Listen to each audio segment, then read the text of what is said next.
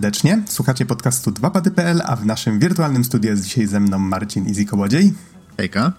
A mówi Adam Noxa 15 Dębski. Nagrywamy w środę 29 stycznia 2020. Cały czas się muszę pilnować. To jeszcze pierwszy miesiąc, żeby źle te, Spokojnie, tego roku nie koło września się przyzwyczaisz.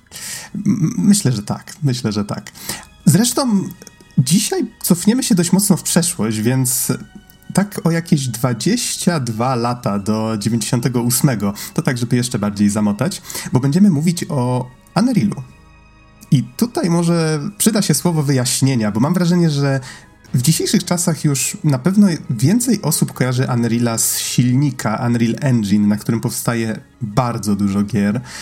E, zresztą Epic Games, twórcy tego silnika, podejmują od kilku ładnych lat bardzo dobre decyzje, które bardzo korzystnie wpływają na scenę gier niezależnych, bo i silnik w tej chwili jest ogólnie dostępny, można tworzyć na nim swobodnie gry, kolejne narzędzia się pojawiają, które um, Epic wykupuje za jakieś prawdopodobnie kosmiczne pieniądze, które zarabiają na Fortnite, więc inwestują to wszystko w rozwój branży.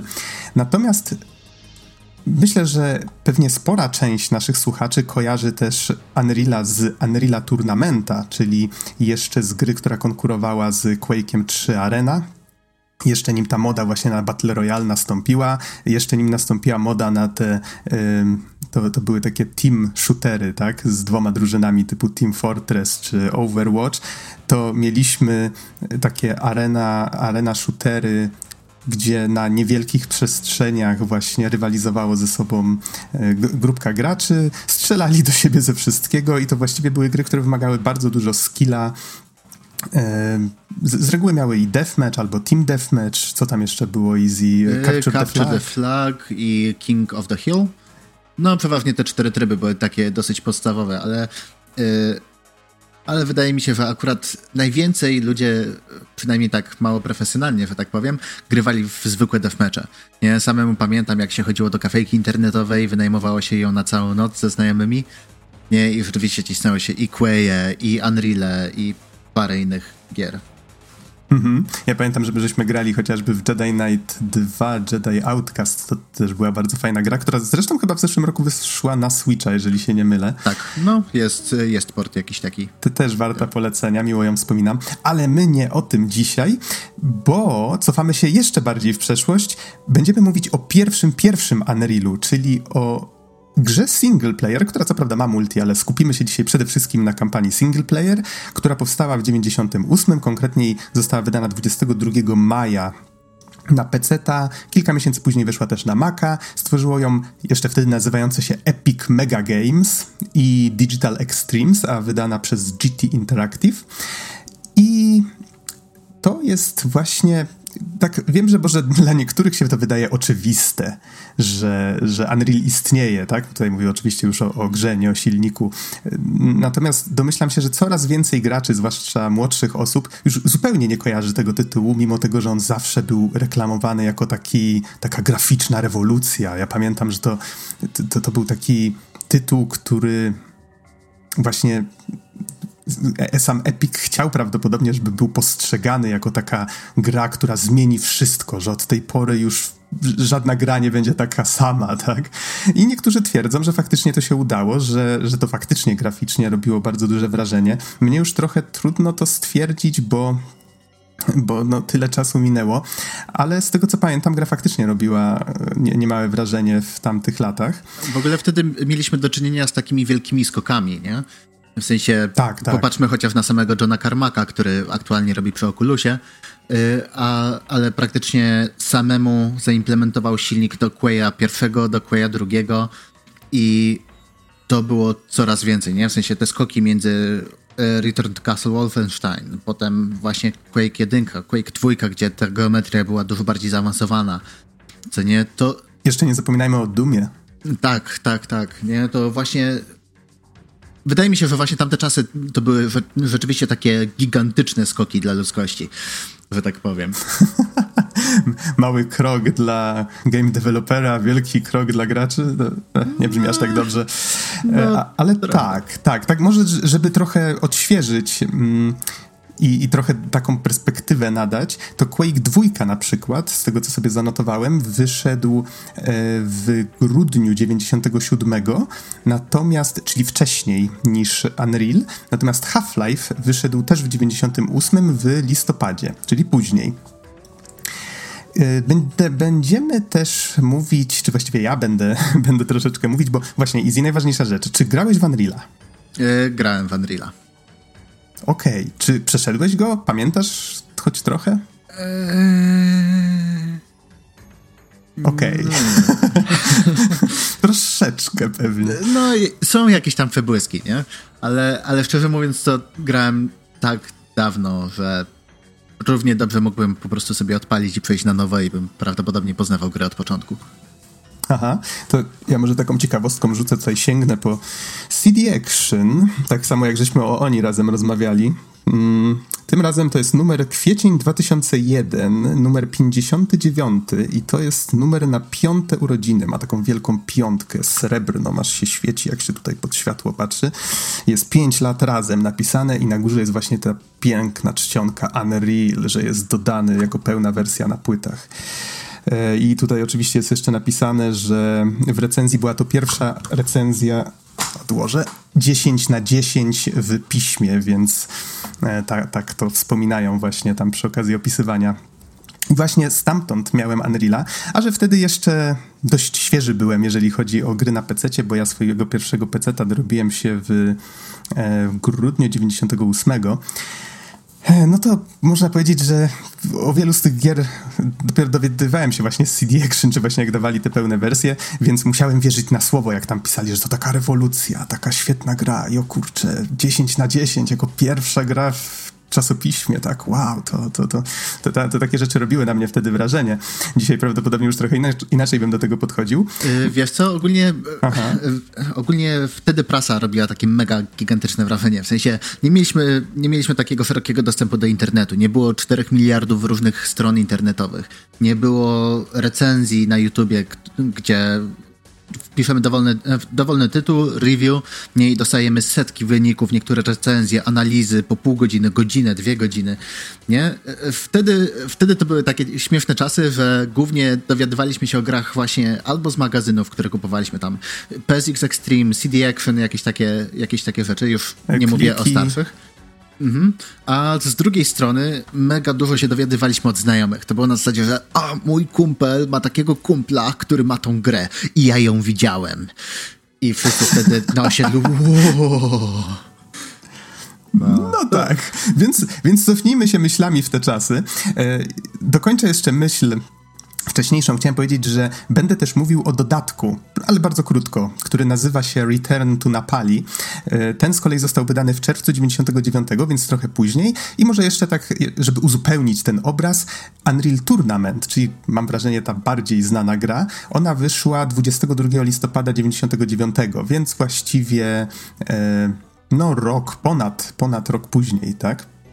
I to jest o tyle ciekawa sprawa, że e, Albo może do multiplayera jeszcze przejdziemy, tak, w ramach ciekawostki. No niemniej tak, Unreal Tournament po prostu brał multiplayer z Unreala, naprawiał go, bo ponoć miał sporo problemów i robił to, została wypuszczona gra, która skupia się tylko i wyłącznie na tym elemencie. Okej, okay, lec po tym bardzo, bardzo, bardzo przydługim wstępie Myślę, że jeszcze nim przejdę do fabuły, powiem o jednej rzeczy. Jeżeli zdecydujecie się zagrać faktycznie e, w Unreal'a, to myślę, że taka drobinka, odrobinka przygotowań się przyda, bo jest to gra, która no, pod pewnymi względami może się już wydawać odrobinkę archaiczna. E, natomiast pomaga w naprawieniu tego patch, który jest półoficjalny, bo z tego co mi wiadomo, powstał stworzony przez fanów, ale właśnie przy błogosławieństwie twórców. Jest to patch, który się nazywa 227 i najnowsza wersja to jest i. One są tam jakoś numerowane, znaczy numerowane, no oznakowane właśnie kolejnymi literami alfabetu. Ja grałem właśnie ze spaczowaną wersją 227i i jest to o tyle ważne, że początkowo udało mi się tę grę odpalić, wszystko działało bardzo ładnie, mam wersję z Goga i okazało się, że gra jest dużo ciemniejsza niż pamiętałem, w sensie aż tak nieprzyjemnie ciemna. I właśnie zacząłem googlać na ten temat. Okazało się, że no, jak ten patch zainstaluję, no to faktycznie powinno się naprawić i tak, zadziałało to, faktycznie zaczęło się, wszystko było wiele wyraźniejsze, przyjemniej się grało. Pewne tam inne drobiazgi ponoć ten patch też naprawia. Zauważyłem na przykład, że pojawiły się nowe opcje ustawienia kontroli, chociażby wcześniej nie dało się scrolla myszki w pełni oprogramować a wiadomo, że jest to raczej w tej chwili standard, żeby zmieniać broń na przykład do góry lub do dołu scrollując. No i poza tym jeszcze w, raptem wczoraj robiłem taki mały test, chciałem coś sprawdzić, skasowałem grę i zainstalowałem ją raz jeszcze.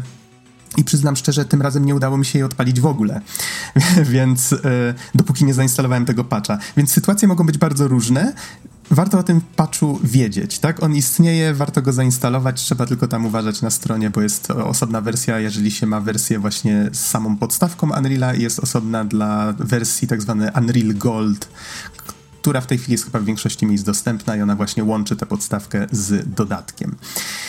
E, a, no i polecam jeszcze wyłączyć uniki, które się robi tap, e, tapnięciem dwa razy kierunków w wolną stronę, bo jest to coś, co zdecydowanie wydaje mi się, że psuje gameplay w wielu momentach i się po prostu włącza to zupełnym przypadkiem. I tym wesołym akcentem wydaje mi się, że najwyższa pora przejść do fabuły, czyli o czym właściwie Unreal jest.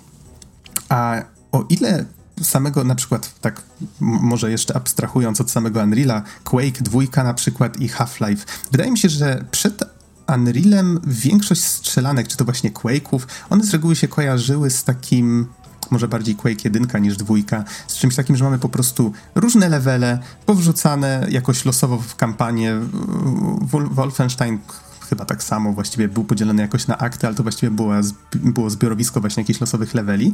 Z kolei Unreal podszedł do sprawy właśnie bardziej jak Half-Life. On starał się jakoś tak zazębić nas w świecie dać nam jakieś ciekawe lokacje, które układały się razem w jakąś taką większą całość, żeby dać nam właśnie taki obraz całości, żebyśmy mogli sobie wyobrazić, że jesteśmy w jakimś innym miejscu.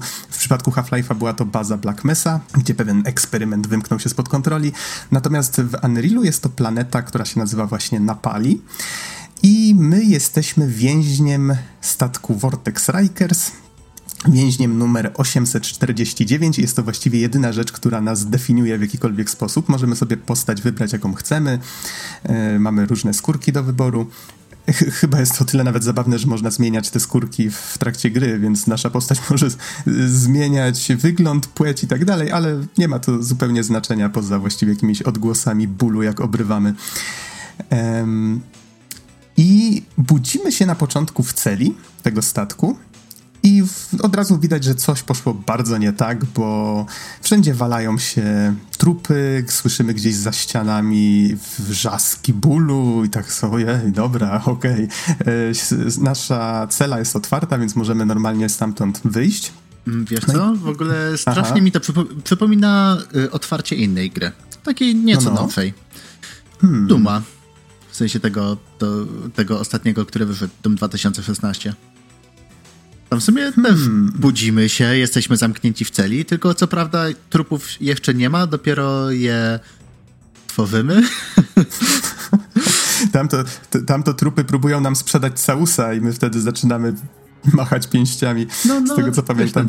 No, to znaczy machać pięściami to tak trochę mało powiedziane, bo bo tak znaczy, pięść to tak. tak jakby przechodzi przez całą czaszkę. tak. Porównanie z Nowym Dumem jest o tyle niefortunne, że w Nowym Dumie właściwie od początku budowane jest takie wrażenie, że to my jesteśmy najgroźniejszą rzeczą, która znajduje się w okolicy i że to wszyscy powinni od nas uciekać. Natomiast tutaj początek, na początku gra stara się budować takie odczucie, że okej, okay, znaleźliśmy się w bardzo nieprzyjemnej sytuacji, e, co prawda odzyskaliśmy wolność, ale nie wiemy, gdzie jesteśmy. Właściwie chyba nikt poza nami nie przeżył. E, gdzieś tam widać jakieś, e, czy to właśnie te odgłosy, słyszymy, że coś niebezpiecznego jest za ścianami, mm, gdzieś tam nam przemknie jakaś sylwetka i tak ojej, dobra, jest niebezpiecznie. Jest tutaj taki bardzo fajny moment, który no, kiedyś robił piorunujące wrażenie, dzisiaj już trosze, troszeczkę mniej, czyli jak już opuszczamy ten statek, wychodzimy tam jakimś powiedzmy przejściem, czy, czy, czy tunelem wentylacyjnym, czymkolwiek, to hmm, tunel wentylacyjny w statku kosmicznym. To ciekawa rzecz mi przyszła teraz to do głowy. To znaczy, teoretycznie w statku kosmicznym też mogą mieć, być tunele wewnętrzne wentylacyjne, więc to... No ten prowadzi na zewnątrz. To znaczy, nie, po, czyli po śluza.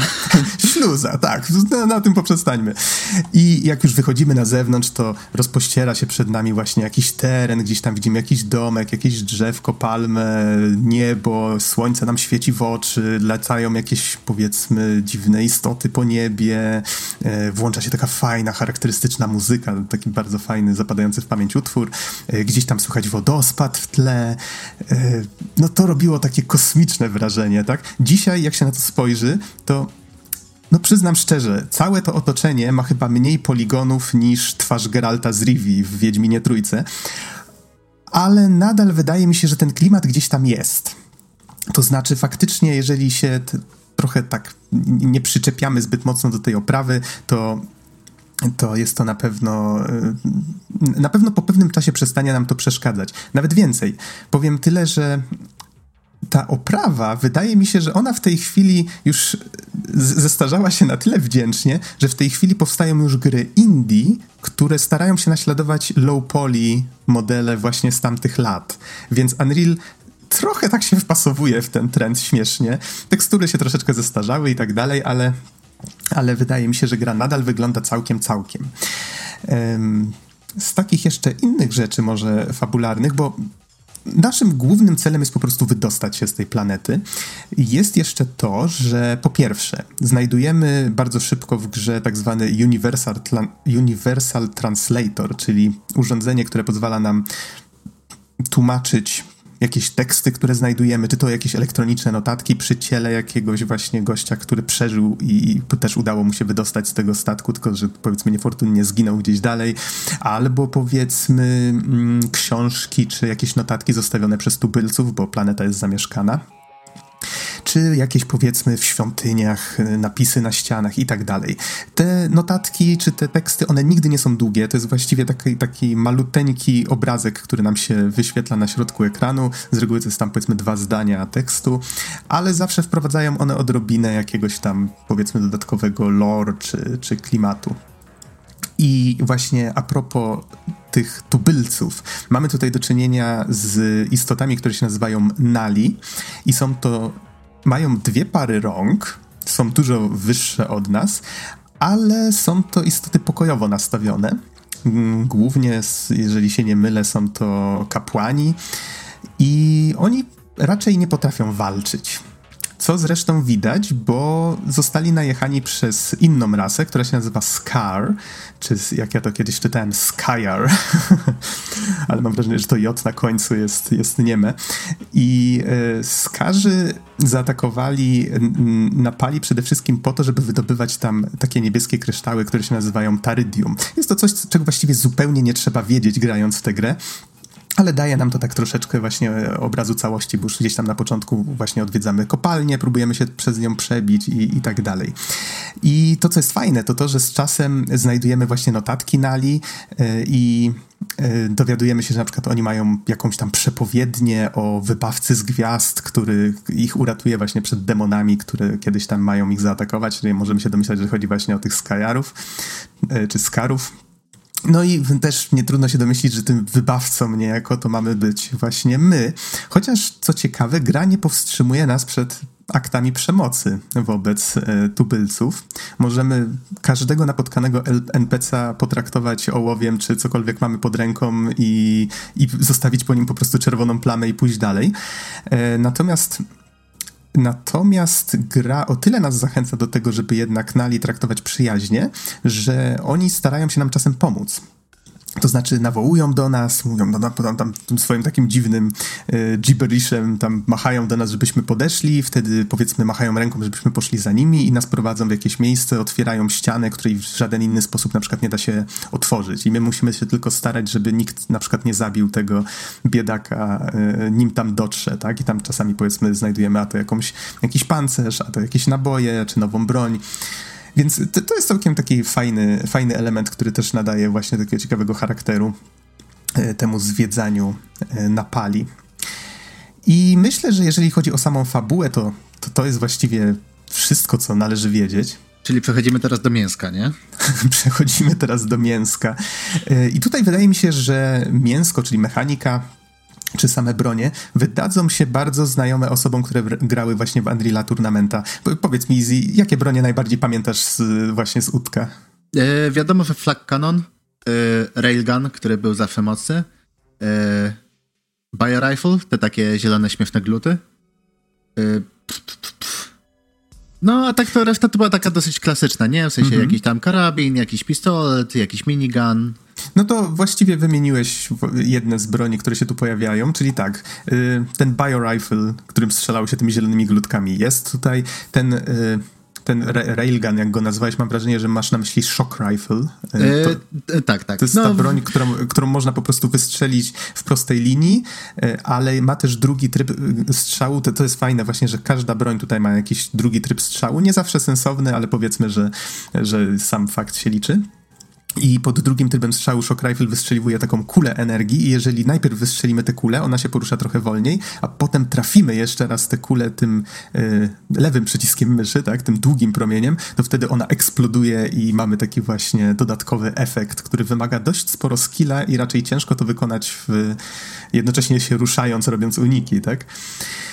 Y, więc to, to jest bardzo fajny pomysł. Mamy właśnie tego flak kanona, którego, y, o którym też wspomniałeś świetna, świetny pomysł w ogóle, który zastępuje taki tradycyjny shotgun, bo to jest coś w rodzaju takiej broni, która wystrzeliwuje olbrzymie kawałki metalu, które lecą z wielką prędkością, właśnie tak rozsypując się na, na różne strony.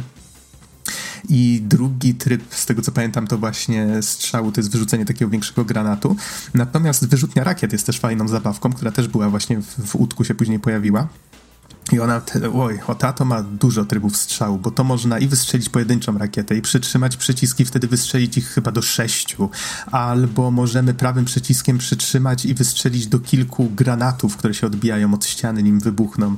Albo możemy jeszcze przytrzymać chwilę celownik na przeciwniku i wtedy y, autonamierzanie się włącza, rakieta po prostu zapamiętuje cel i tak dalej i tym podobne. No, świetna zabawka, która no, w wódku potem została jeszcze chyba troszeczkę doszlifowana. W ogóle wszystkie te bronie mają ten minus, że tutaj są fajne, ale w utku są lepsze. Jeżeli tak. ktoś grał po prostu w Unreal'a Tournamenta, to tutaj tak brakuje jakiegoś takiego mocnego uderzenia, czy takich powiedzmy kilku trików, które domyślam się, że znają twórcy FPS-ów. Ja nie za bardzo, nie za bardzo się na tym znam, nigdy żadnego FPS-a nie robiłem, ale ale ludzie, którzy robią te gry, znają jakieś tam drobiazgi w rodzaju, a to trzeba lekko zatrząść ekranem, a to powiedzmy zrobić jakiś inny efekt, który sprawia, że nagle czujemy, że o, ten wystrzał z tego pistoletu jest dużo lepszy niż z tamtego, tak? Tak, właśnie jakieś, jakieś odrzuty. Y, w sumie dźwięki też robią bardzo, bardzo dużo roboty, nie? Ale mhm, jeszcze tak, co do tak. tych y, y, dwóch różnych trybów, to właśnie było fajne, że tak jakby tym trochę Unreal się odgranicza od Quaya nie? Bo w Quayu mieliśmy parę broni i każda miała tylko, pojedyn- tylko jeden tryb strzału. Co nie? A tutaj nagle Unreal i pokazuje, że ej, z jedną bronią możesz zrobić więcej niż jedną rzecz. I to było takie, to było takie coś. Mhm, tak, tak, dokładnie. To jest bardzo fajny feature. E, z takich innych broni, które myślę, że jeszcze zapadają dość mocno w pamięć, to jest na przykład karabin na kryształy Tyradio, ta, to się nazywało, tak? Czyli po prostu taki minigun, który strzela e, takimi niebieskimi kryształkami. W tym przypadku właśnie myślę, że brakuje tej broni takiego umcnięcia, żeby, żeby nie użyć dosadniejszego słowa, ale, ale całkiem fajny pomysł. No i jeszcze jest Razor Jack. To jest coś, co też chyba się w wódku pojawiło, z tego co pamiętam. To jest wyrzutnia dysków, które się odbijają od ścian. A, jest... tak, pamiętam. One w ogóle strasznie przypominają te, te, te, te, te takie tronowe dyski. Nie? W sensie z filmu Tron. Mm, chyba, chyba tak, tak. E, I tylko problem z nimi jest taki, że one nie są zbyt przydatne, tak mi się wydaje. To znaczy, w ciasnych pomieszczeniach faktycznie można puścić kilka takich dysków, one się wtedy łatwo odbijają i potem mieć nadzieję, że one w coś trafią. Czasami mogą się odbić od ściany i po prostu uderzyć w nas, więc to też się, to jest, to jest taki miecz obusieczny, ale jest to też jedna, łącznie ze snajperką chociażby, jedna z okazji, żeby e, przetestować taką fajną rzecz, bo da się tutaj odstrzelić przeciwnikowi głowę, przynajmniej niektórym przeciwnikom i mm, powoduje to taki no powiedzmy w cudzysłowie zabawny efekt, że taki skar nagle zaczyna macać y, rękoma to miejsce, gdzie jeszcze wcześniej miał łeb i, i po chwili o, i pada, tak? Dance macabre. E, więc nawet o takich szczegółach pomyślano. E, z tego co pamiętam, jeżeli e, powiedzmy poczeka się chwilę nad ciałem jakiegoś pokonanego przeciwnika, to pojawiają się takie małe muszki też zaczynają krążyć, więc no trzeba przyznać, czasami twórcy naprawdę nad, nad różnymi ciekawymi, czasami makabrycznymi szczegółami myśleli. Wtedy tak jakby, wydaje mi się, że trochę trzeba było się wybić z pomysłami właśnie takimi małymi smaczkami, żeby e, inaczej, FPS-y wtedy naprawdę były mega popularne, nie? I rzeczywiście mieliśmy, mieliśmy Quaya, mieliśmy Duma, mieliśmy to i one musiały się od siebie różnić, bo inaczej, no inaczej by się po prostu nie sprzedały. I mhm. wydaje mi się, że masę właśnie świetnej roboty tutaj y, kolesie z Epic Games zrobili, żeby przepraszam, z Epic Mega Games, żeby żeby po, po, prostu wyznaczyć jakąś taką swoją przestrzeń, nie? Mhm. Y, jeszcze nie wiem, czy w, y, czy w Unrealu 1 też były te double strafe'y? Y przez Double Strafe masz na myśli pewnie ten unik, co radziłem, tak, żeby tak. go wyłączyć. Mhm. Tak, jeżeli naciśniesz dwa razy bardzo szybko dany kierunek, to wtedy postać robi takie szybkie w bok i, i to jest taki silny odskok. Sęk w tym, że bardzo łatwo zrobić to niechcący, a tutaj dość często się chodzi powiedzmy po jakichś wąskich przejściach i po lewej mamy przepaść, albo powiedzmy miejsce, w którym nie chcemy się znaleźć i tak dalej. Więc osobiście mnie to raczej rozpraszało w multiplayerze się na pewno przydaje częściej niż tutaj, o może tak. E, tak, w ogóle mhm. nie, nie wiem, czy to w jakiejś wcześniejszej części, ale na pewno w tym, e, na pewno w Unrealu tym, tej alfie całej, którą można sobie zainstalować razem z, z całym silnikiem. Właśnie tam było coś takiego, że te uniki zostały wykorzystane też jako odskoki od ścian.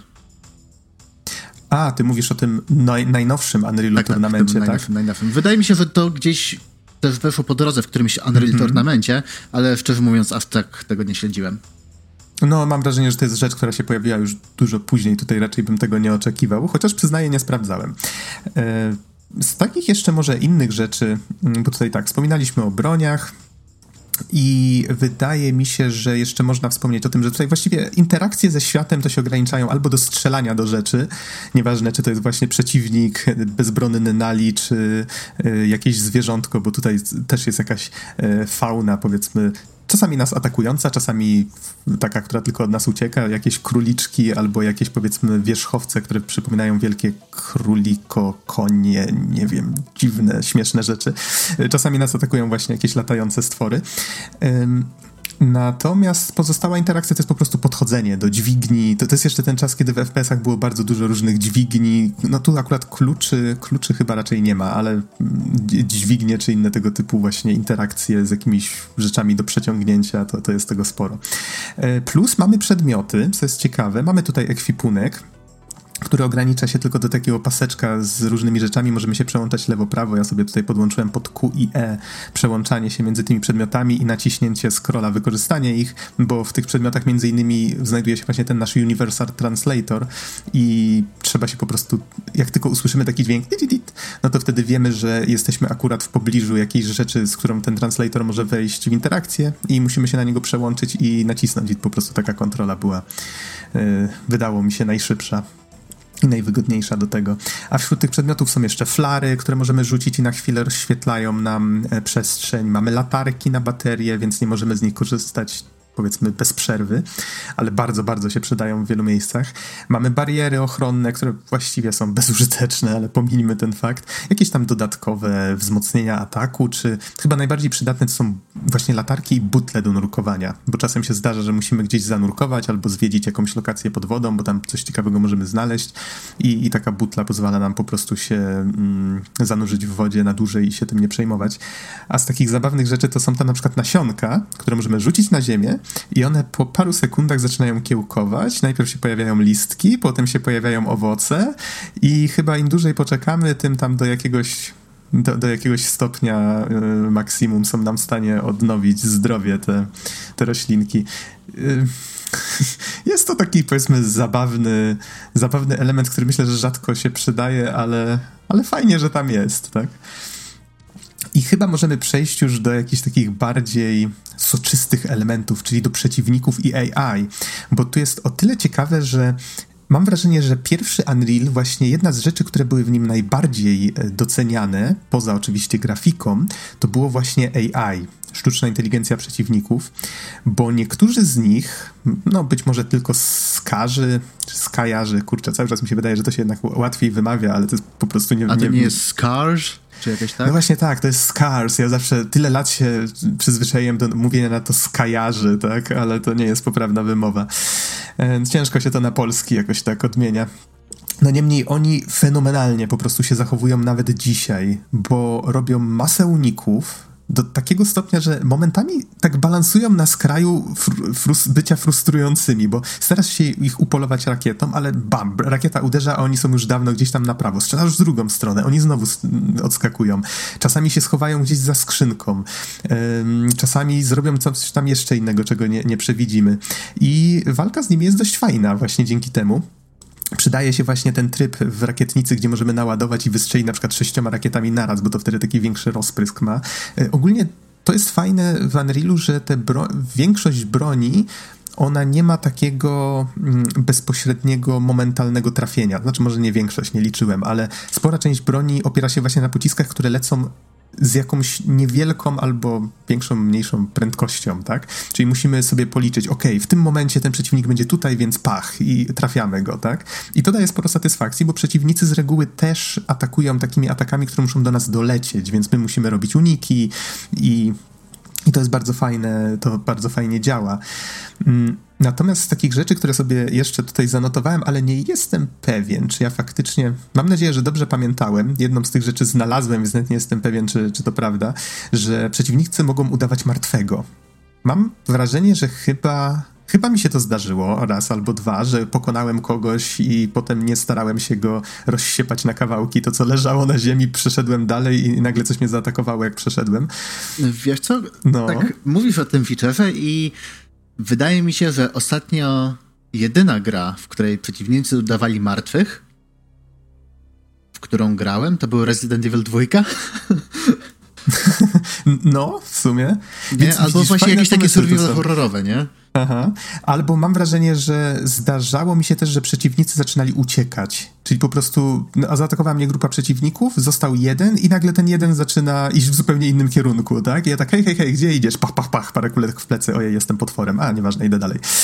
E, więc e, tak, więc takie zachowania też się tutaj pojawiają. Co prawda te humanoidalne istoty, dość zręczne, no bo skarzy, właśnie nie opisałem tego, skarzy w ogóle wyglądają trochę jak tacy predatorzy z filmu Predator, tak?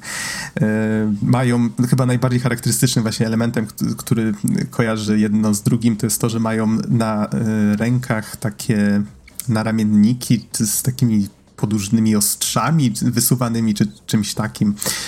No niemniej są odrobinę podobni i wydają się też być właśnie takimi bardzo zręcznymi e, łowcami więc domyślam się, że tutaj inspiracja jest raczej wyraźna.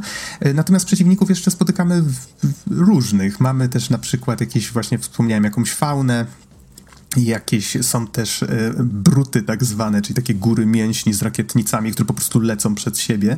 No tutaj nie ma zbyt dużo inteligencji pod tą łepetyną. I są też inne jednostki humanoidalne, właśnie jacyś, nazwijmy to żołnierze z tarczami energetycznymi, blasterami, albo są tacy bardziej prymitywni z włóczniami.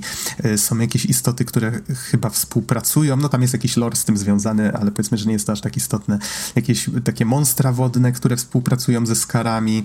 E, są też jakieś takie, wydaje mi się, zwierzęta po prostu, które wiszą pod sufitem i tak jak w Half-Life'ie mieliśmy takie, które nas wciągały, jak się za jęzor złapało, to tutaj są takie, które po prostu strzelają w nas kolcami e, i tak dalej i tym podobne.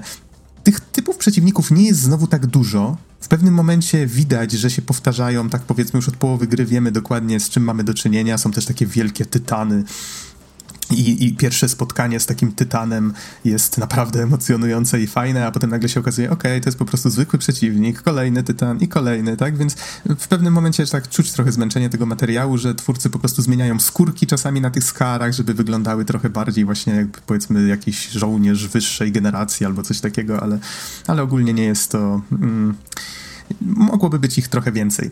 Um, i właśnie te pierwsze spotkania, myślę, to też jest fajne, że czasami postarano się, żeby pierwsze spotkanie z danym typem przeciwnika było bardzo fajne i charakterystyczne. Wydaje mi się, że właśnie pierwsze spotkanie ze Skarem w ogóle w tej grze, e, moment, w którym musimy z nim walczyć faktycznie, jest bardzo fajnie zrobione. Może nie będę go zbyt dokładnie opisywał, jeżeli ktoś nie miał okazji tego przeżyć, ale kiedyś robiło to bardzo duże wrażenie i nabawiało niemałej palpitacji serca, więc no, powiem tak, nadal jest to bardzo fajnie zrobione, nawet pokusiłem się o to, żeby ten fragment sprawdzić dwa czy trzy razy, jak teraz grałem, i zaskoczyło mnie to, że jest on odrobinę losowy. I kiedy myślałem, że już mam sytuację pod kontrolą, to nagle się ona bardzo szybko, fajnie wymknęła, więc cieszę się, że tak stara gra jeszcze czymś mnie zaskoczyła.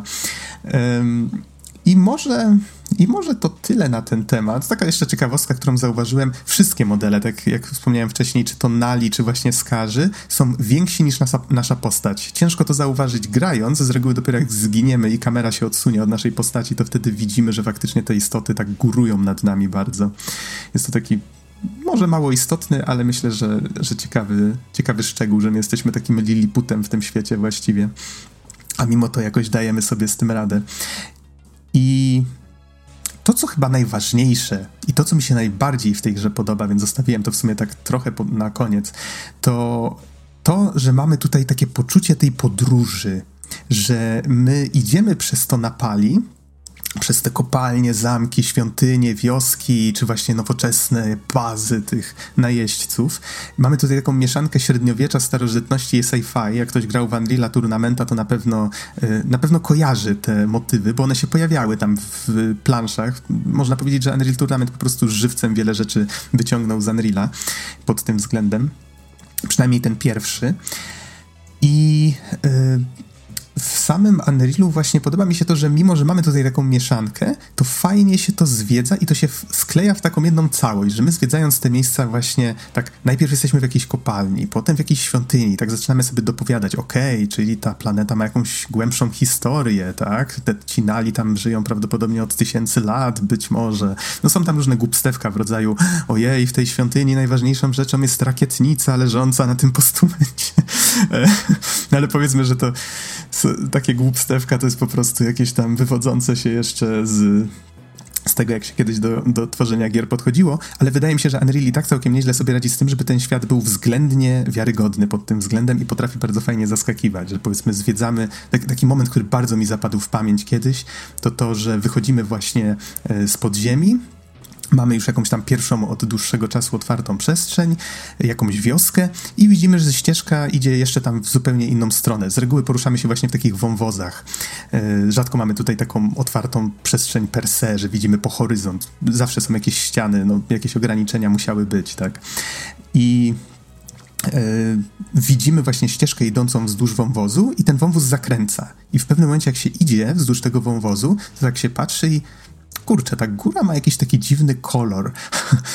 I po chwili się okazuje, ej, ale to nie jest góra. Się okazuje, że dosłownie za, za jakimś tam zasłonięty kawałkiem zbocza jest wielka baza, czy wielki statek kosmiczny, który stoi dosłownie na naszej drodze i my tak okay, here we go again. Musimy się tam przez niego przebić, włącza się alarm, gdzieś tam czytam jakieś notatki, że mamy intruza, proszę, go, proszę się go pozbyć, tak, i się przebijamy przez tę bazę, a potem znowu klimat się zmienia na jakiś zupełnie inny. To jest piękne w tej grze i to naprawdę trzyma się nadal bardzo, bardzo fajnie. Przynajmniej przez pierwszą połowę. Później jest troszeczkę słabiej, ale wydaje mi się, że, że pierwsza połowa naprawdę trzyma, trzyma się świetnie pod tym względem. I jeżeli ktoś nie miał okazji, to wydaje mi się, że to jest jeden z powodów, dla których warto po tę grę sięgnąć nadal. Hmm, dobrze. Powiedz mi, Easy, czy masz może jakieś pytania, czy, czy może jeszcze parę słów powiedzieć właśnie o tym Return to Napali, czyli o tym dodatku? E, w sumie wiesz co, może, e, może rzeczywiście tak, tak bardziej, mm, jakby to powiedzieć, bardziej wysokopoziomowo po prostu trochę powiedzieć o tym, napali, chociaż... Tak, głównie chciałem powiedzieć o paru różnicach, bo powiem tak, Napali wiele osób w sieci, z tego co widziałem, opisuje jako o tak, prawdziwy sequel Unreala. No bo powiem tak, wielu fanów nie uznaje Unreala 2, który też się ukazał, z tego co pamiętam, może zaraz sprawdzę, 2003? Tak, to był 2003. E, wielu fanów nie uznaje go za sequel, ale powiedzmy, że to jest temat na, na, inny, na, na inny podcast. Pewnie kiedyś do tego też przejdziemy. Yy, I wiele osób uważa właśnie Return to Napali za taki, mm, taki prawdziwy sequel Unreal'a i że on jest bardzo fajny i w ogóle. I od razu powiem, że ja się z tym raczej nie zgadzam. To znaczy, okej, okay, jest to sequel do, do Unreal'a, ale już jak grałem w tę grę po raz pierwszy, w ten dodatek, dawno, dawno temu, to uważałem, że jest dużo, dużo gorszy od podstawki i teraz tylko jak go przeszedłem po raz kolejny, to się tylko w tym utwierdziłem. Mm, stworzyło go Legend Entertainment, czyli notabene twórcy Unreal'a 2. Yy, Dodali tam parę rzeczy, które były zupełnie zbędne, czyli na przykład y, dodali to, że co misję, ma, to znaczy co misję, co każde ładowanie się levelu mamy Y, jakiejś audiologii, które wymawia nasz bohater albo bohaterka. No to jest akurat fajne, że zadbali o to, że są nagrane właśnie dla, dla jednej dla drugiej płci. I ym, tylko, że czuć tak po pierwsze, że są nagrane, okej, okay, no tak no nie jest to aktorstwo na najwyższym poziomie. Po drugie, czujesz się jakby nagle Gordon Freeman zaczął gadać jakieś elaboraty. Z reguły ta postać nie ma zupełnie nic ciekawego do powiedzenia. To jest bardziej na zasadzie, e, no znowu walczyłem ze Skyrami, ojej, to było takie straszne. I tak, nie, nie było straszne. Walczyliśmy z nimi już tyle razy. Come on. Więc tak, takie, takie pierdoły, zupełnie nic ciekawego w tym nie ma. Całe szczęście można to po prostu przewinąć.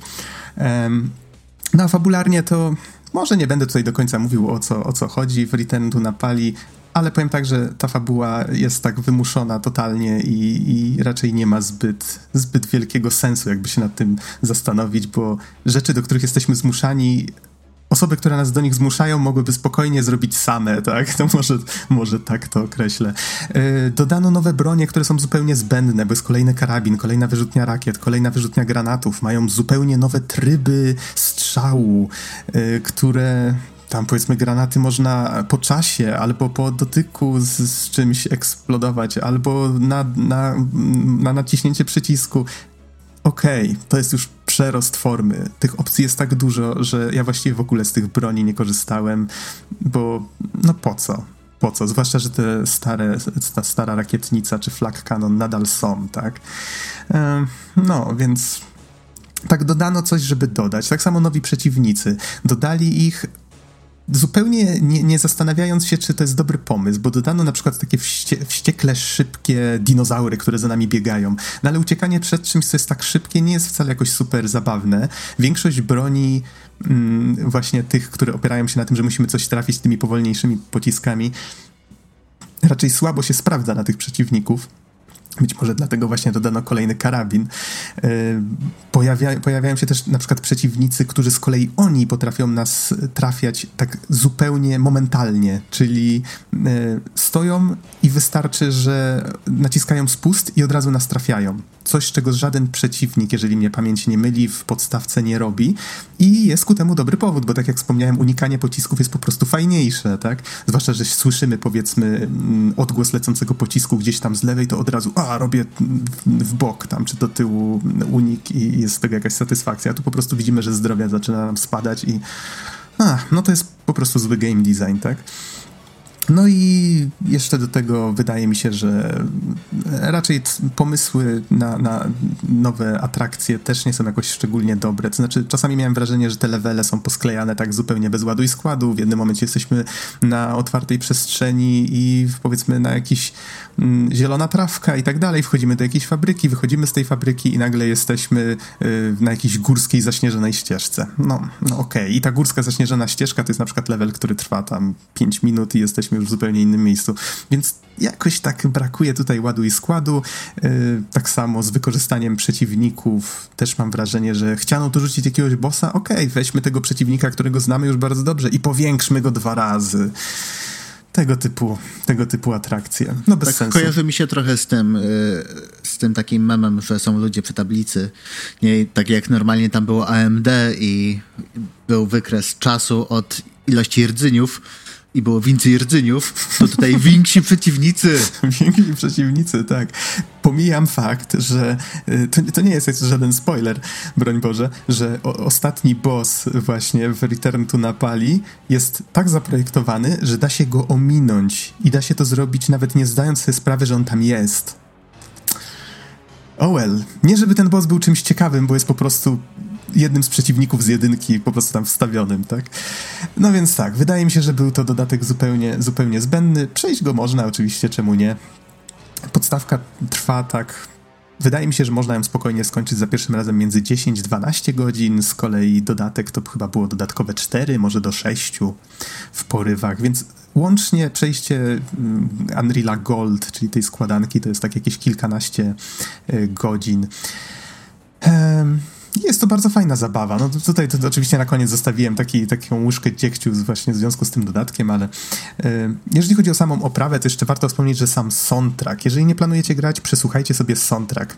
Fani już, mm, jeżeli tylko Unreal Soundtrack właśnie wrzucicie na, na YouTubie, to można bardzo łatwo znaleźć. Fani zrobili właśnie takie składanki, że w jednym filmiku są wszystkie filmiki, one są tak fajnie poukładane, bo jest powiedzmy i lokacjami, jak się je odwiedza, więc jak się słucha tego soundtracku, to ma się, jeżeli się grało w grę, to ma się właśnie taką, przypomina się miejsca, w których grała dana muzyka i, i się ma taką podróż e, przez wspomnienia w głowie, więc fajnie jest to zrobione.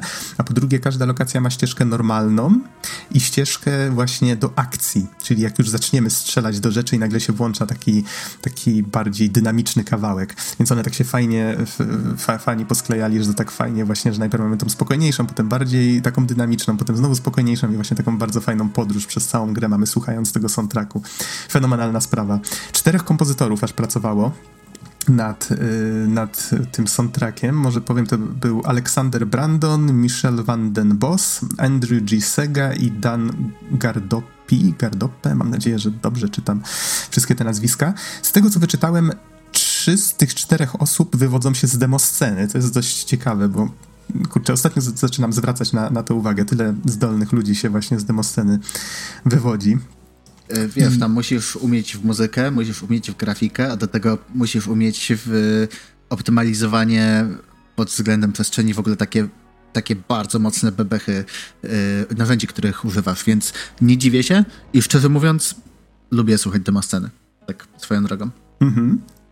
No to tutaj właśnie jak przeczytałem to, to nabrało to trochę sensu, bo niektóre kawałki w soundtracku faktycznie brzmią bardzo demoscenowo. Tam nawet można sobie na wiki poczytać trochę o tym, jak ta gra powstawała, soundtrack do niej i to jest ogólnie, czyli tych czterech kompozytorów, oni stanowili taki, czy stanowią, hmm, chyba stanowili taki zespół, e, który po prostu na zamówienie też robił e, muzykę i oni pracowali razem po prostu ze sobą i chyba niektóre z tych kawałków to po prostu były utwory, które oni zrobili wcześniej i postanowili je wykorzystać na potrzeby gry, bo mm, dajmy na to pasowały, tak?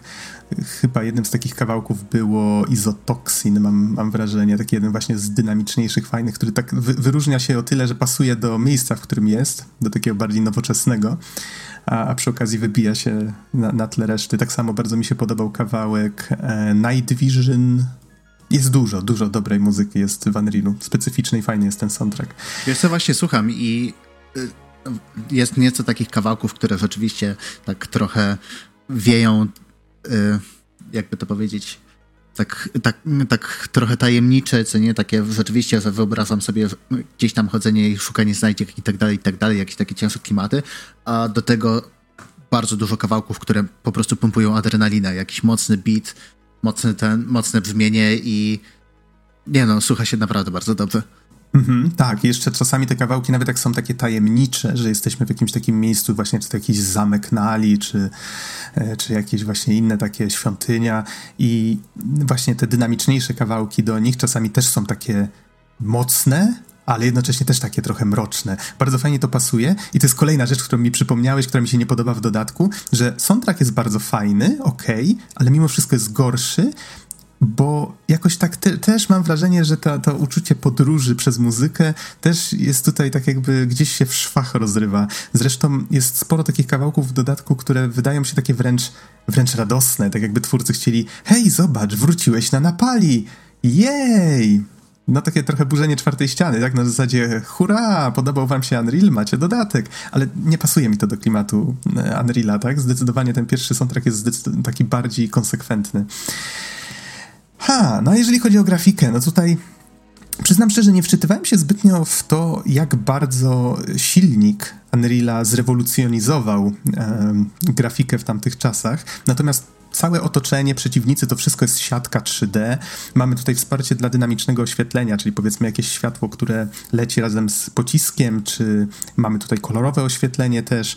E, natomiast Wyczytałem na wiki, że chociażby efekt, na który zwróciłem uwagę, bo dość, dość, mocno rzucił mi się w oczy i się zastanawiałem, czy to właśnie w patchu go nie dodali fani, ale nie, okazuje się, że detail mapy tak zwane były już w oryginalnym Unrealu. Jest to taki efekt, który polega na tym, że jeżeli podejdziemy bardzo blisko do ściany, to zamiast widzieć taką rozmazaną teksturę, te, te tekstury po prostu rozciągnięte na, na pół ekranu, to żeby zniwelować ten efekt, narzucany jest na to właśnie tak zwana detail mapa, czyli tak jakby takie chropowate, chropowate, ta chropowata powierzchnia tej powierzchni, na którą patrzymy, tak? No, zabrzmiało trochę jak masło maślane, ale mam nadzieję, że wiadomo o co chodzi.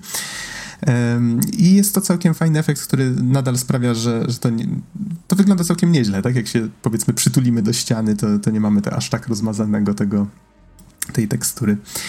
Um, no i na pewno dałoby się tam wypaczyć dużo więcej technicznych rzeczy, ale przyznam szczerze, aż tak bardzo się w to nie zagłębiałem.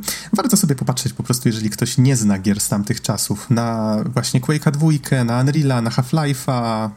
To jest właśnie taki okres, gdzie te gry wychodziły powiedzmy kilka miesięcy po sobie i różniły się czasami bardzo diametralnie, więc... więc tak, wtedy jeszcze ciekawe. nie było takich utartych schematów i nie było czegoś takiego, że to znaczy wtedy to się zaczynało, że tak naprawdę wszystko się porównywało do Duma, nie? Ale y, wydaje mi się, że to są akurat takie tytuły, które są dobre same z siebie, co nie? Dalej się trzymają pomimo wieku i z takiej perspektywy kogoś, kto się interesuje game designem, to jest właśnie bardzo fajne, bo to trochę tak pokazuje, jak twórcy docierali właśnie do tego, gdzie są teraz, nie? I jak, jak wydajdowali to, co jest fajne.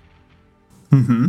No a poza tym y, zupełnie inaczej rozwój sprzętu wtedy postępował. W tej chwili mamy tak, że on się tak jakby połączył z generacjami konsol, a wtedy to była wolna amerykanka, to znaczy konsole wychodziły sobie, PC-ty wychodziły sobie, nowe karty graficzne, dużo silniejsze od poprzednich, wychodziły właściwie po roku. No właściwie raz na dwa lata to już warto było upgrade'ować kompa, bo się okazywało, że nowe gry nie działały, albo wynaleziono coś, co nagle rewolucjonizowało grafikę, tam nie wiem, akceleratory graficzne, tak?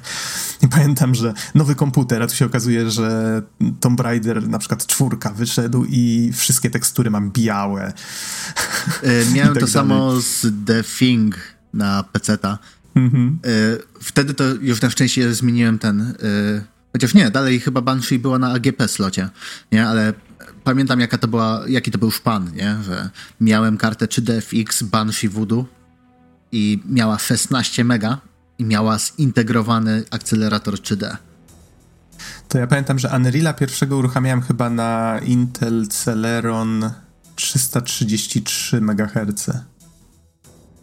Ale z przyciskiem turbo. Nie mam pojęcia. Nie tak jak te stare obudowy, gdzie rzeczywiście był wyświetlacz yy, częstotliwości i można było Aha. przycisnąć turbo i było o, moc. To, to ja chyba nie miałem przycisku turbo. Okej, okej. Okay. To jeszcze z takich ciekawostek myślę, że warto dodać, że gra miała multiplayer i faktycznie Faktycznie tak może wracając na szybko do tego wątku z początku recenzji, ten multiplayer słyszałem, że miał dużo problemów, ale może szukałem za słabo. Nie udało mi się znaleźć jakoś tak dokładnie jakie to były problemy, tak? Z jednej strony mówią, że kod sieciowy był słaby, czyli domyślam się, że nie, może były lagi, może coś. Gdzieś tam trafiłem na komentarz, gdzie jeden z fanów tego multiplayera mówił, że o, ludzie nadal w to grają, jest bardzo fajnie, czasami, ale mm, stwierdził, że kiedyś, kiedy to była nowość, e, ponoć zabił ten multiplayer e, taki napływ cheaterów. Po prostu ludzie zaczęli oszukiwać masowo i, i granie w to przestało mieć jakikolwiek sens. E, spotkałem się z czymś takim na DS-ie w Metroid Prime Hunters. To też była gra, która miała w sumie nacisk bardzo duży na multiplayer i pamiętam, że po chwili już wszyscy tam fruwali i byli nieśmiertelni. Nie wiem. Niektórzy chyba po prostu lubią patrzeć, jak świat płonie i mieć z tego zabawę. No to jest jeden z typów graczy. Z, według tej, tej takiej śmiesznej klasyfikacji na cztery części. Mm-hmm. No, ludzie, ludzie, no. Ludzie, ludzie. Niemniej tak, y, Unreal Tournament wyszedł, no tak jak już wspomnieliśmy, e, ponad rok później i naprawił wszystkie te błędy. Wziął właściwie chyba nawet levele z e, levele właśnie z Unreala pierwszego, te multiplayerowe, bo jak tak przeglądałem w Unreal Gold e, mapy, nie wiem czy zostały dodane właśnie dopiero w Goldzie, czy były już w podstawce takie znane jak chociażby Deck, Deck 16, tak, czy Cares. To są takie levele, które mam wrażenie, że pojawiały się w Unrealu wow, przez kilka ładnych części w różnych iteracjach, więc y, dość znane. Mm, natomiast jeszcze taka warta wspomnienia ciekawostka, sam Unreal Gold to jest przeniesienie i podstawki, i dodatku właśnie na silnik Unreal Tournamenta. Y, sam dodatek, z tego co mi wiadomo, jak wyszedł, to można było go odpalić posiadając albo podstawkę, albo Unreal Tournamenta. Taka w sumie ciekawostka, dzisiaj już mało istotna, ale w sumie ciekawy pomysł. I inna rzecz, która pokazuje, że Epic właśnie już wtedy myślał o takich rzeczach, edytor leveli. Chociaż mam wrażenie, że chyba to było dość popularne w tamtych czasach, żeby gry miały, miały edytory do, do leveli w strzelankach mam, nie, nie jestem tutaj oczywiście pewien, ale mam wrażenie, że w strzelankach to, to było tych bardziej znanych raczej powszechne, bo to sprawiało, że i, i ludzie dłużej grali, w te ta scena multiplayerowa się rozwijała, tak, ludzie dłużej grali, byli bardziej właśnie chętni, żeby się trzymać jednej gry. I właśnie Unreal ten trend jakby kontynuował i no i zresztą dzisiaj Unreal jest jednym z naj, najbardziej używanych, najczęściej używanych silników, tak, na świecie, więc od czegoś to się musiało zacząć. Um, a zresztą sam silnik powstawał właśnie razem, razem z tą grą. Chociaż na wiki, z tego co widzę, nie jest to pierwsza gra, jaka wyszła na tym silniku, jest to druga. Pierwsza wyszła chyba w tym samym roku, dwa, trzy miesiące wcześniej, jakoś tak. Chyba coś z uniwersum Star Treka. Zaraz zobaczę. Star Trek The Next Generation Klingon Honor Guard.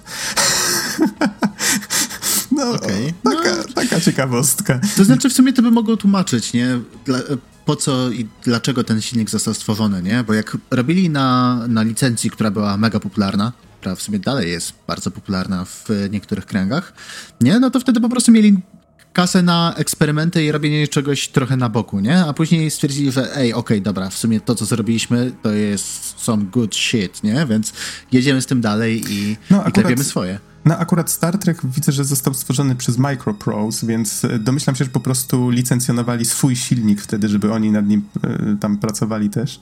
E, natomiast to, co mówisz, bardziej się odnosi, myślę, do poprzednich gier Epica, bo to nie była przecież ich pierwsza gra. Oni tam stworzyli te takie znane pinbole, tylko nie pamiętam już jak to się nazywało i stworzyli Just Jackrabbit 2, który wyszedł chyba tuż przed Unrealem z tego, co, co wyczytałem.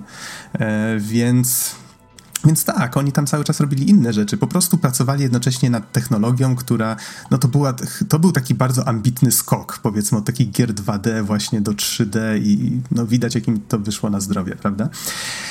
No i już kończąc, reasumując, co, co dzisiaj z tym biednym Unrealem? No, wspomniałeś o tym, że jest ta, ta alfa, jak to nazwałeś, tak? Tego najnowszego Unreal Tournamenta, ale obawiam się, już dawno nie widziałem żadnych informacji na jej temat. Może się mylę, może nie czytałem jakichś tam mm, wpisów na blogach, czy mm, twórców, czy czegoś takiego, ale wydaje mi się, że chyba Fortnite jednak zabił tę serię.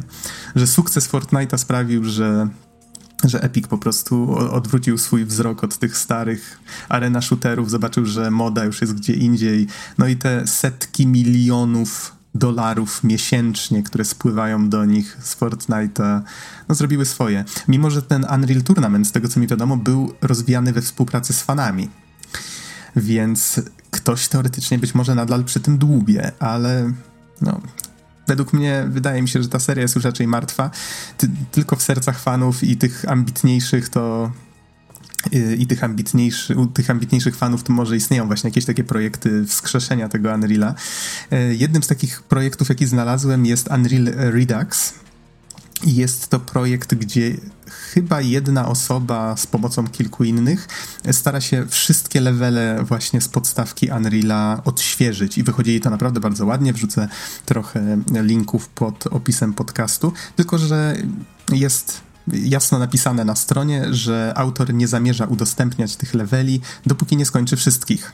A z listy wynika, że tak dotarł może do połowy gry albo albo nawet niekoniecznie do połowy, więc pewnie jeszcze kilka lat na to poczekamy. No ale efekty są całkiem ładne. Zresztą robi to na e, silniku oryginalnym, więc na tych pierwszej wersji Unreala, trochę zmodyfikowanej przez fanów. Więc wygląda to, jakby to powiedzieć, wiernie oryginałowi, ale jednocześnie dużo ładniej. Taka ciekawostka. No i to tyle. Powiedz mi, Easy, czy chciałbyś coś powiedzieć jeszcze przed jakąś myślą końcową? Yy, wiesz co? W sumie sam nie wiem. Wydaje mi się, że mógłbyś ewentualnie powiedzieć, gdzie możemy dostać Unreal'a. Unreal'a Golda chyba z Goga możemy ściągnąć, nie? Jest dostępny normalnie na Gogu, jest dostępny na Steamie. Nie, nie jestem pewien, czy w innych miejscach też, no ale to są chyba takie najbardziej powszechne. Y, dobrze, w takim razie przekonaj mnie, żebym, może niekoniecznie dzisiaj, ale powiedzmy, że tak za półtora tygodnia, jak będę miał trochę więcej czasu, przekonaj mnie, dlaczego powinienem kupić, ściągnąć i zagrać. Bo gra jest fajna. A, okej. Okay. Bo się całkiem Dobrze. nieźle trzyma i w tej chwili yy, z okazji różnych promocji jest dostępna za psie pieniądze. Czasami nawet za półtora złotego, za trzy złote. Jakieś śmieszne sumy, naprawdę. Tak samo Unreal Tournament, tak samo Unreal 2. Właściwie większość tej serii można w tej chwili dostać za, za jakieś takie groszowe sumy.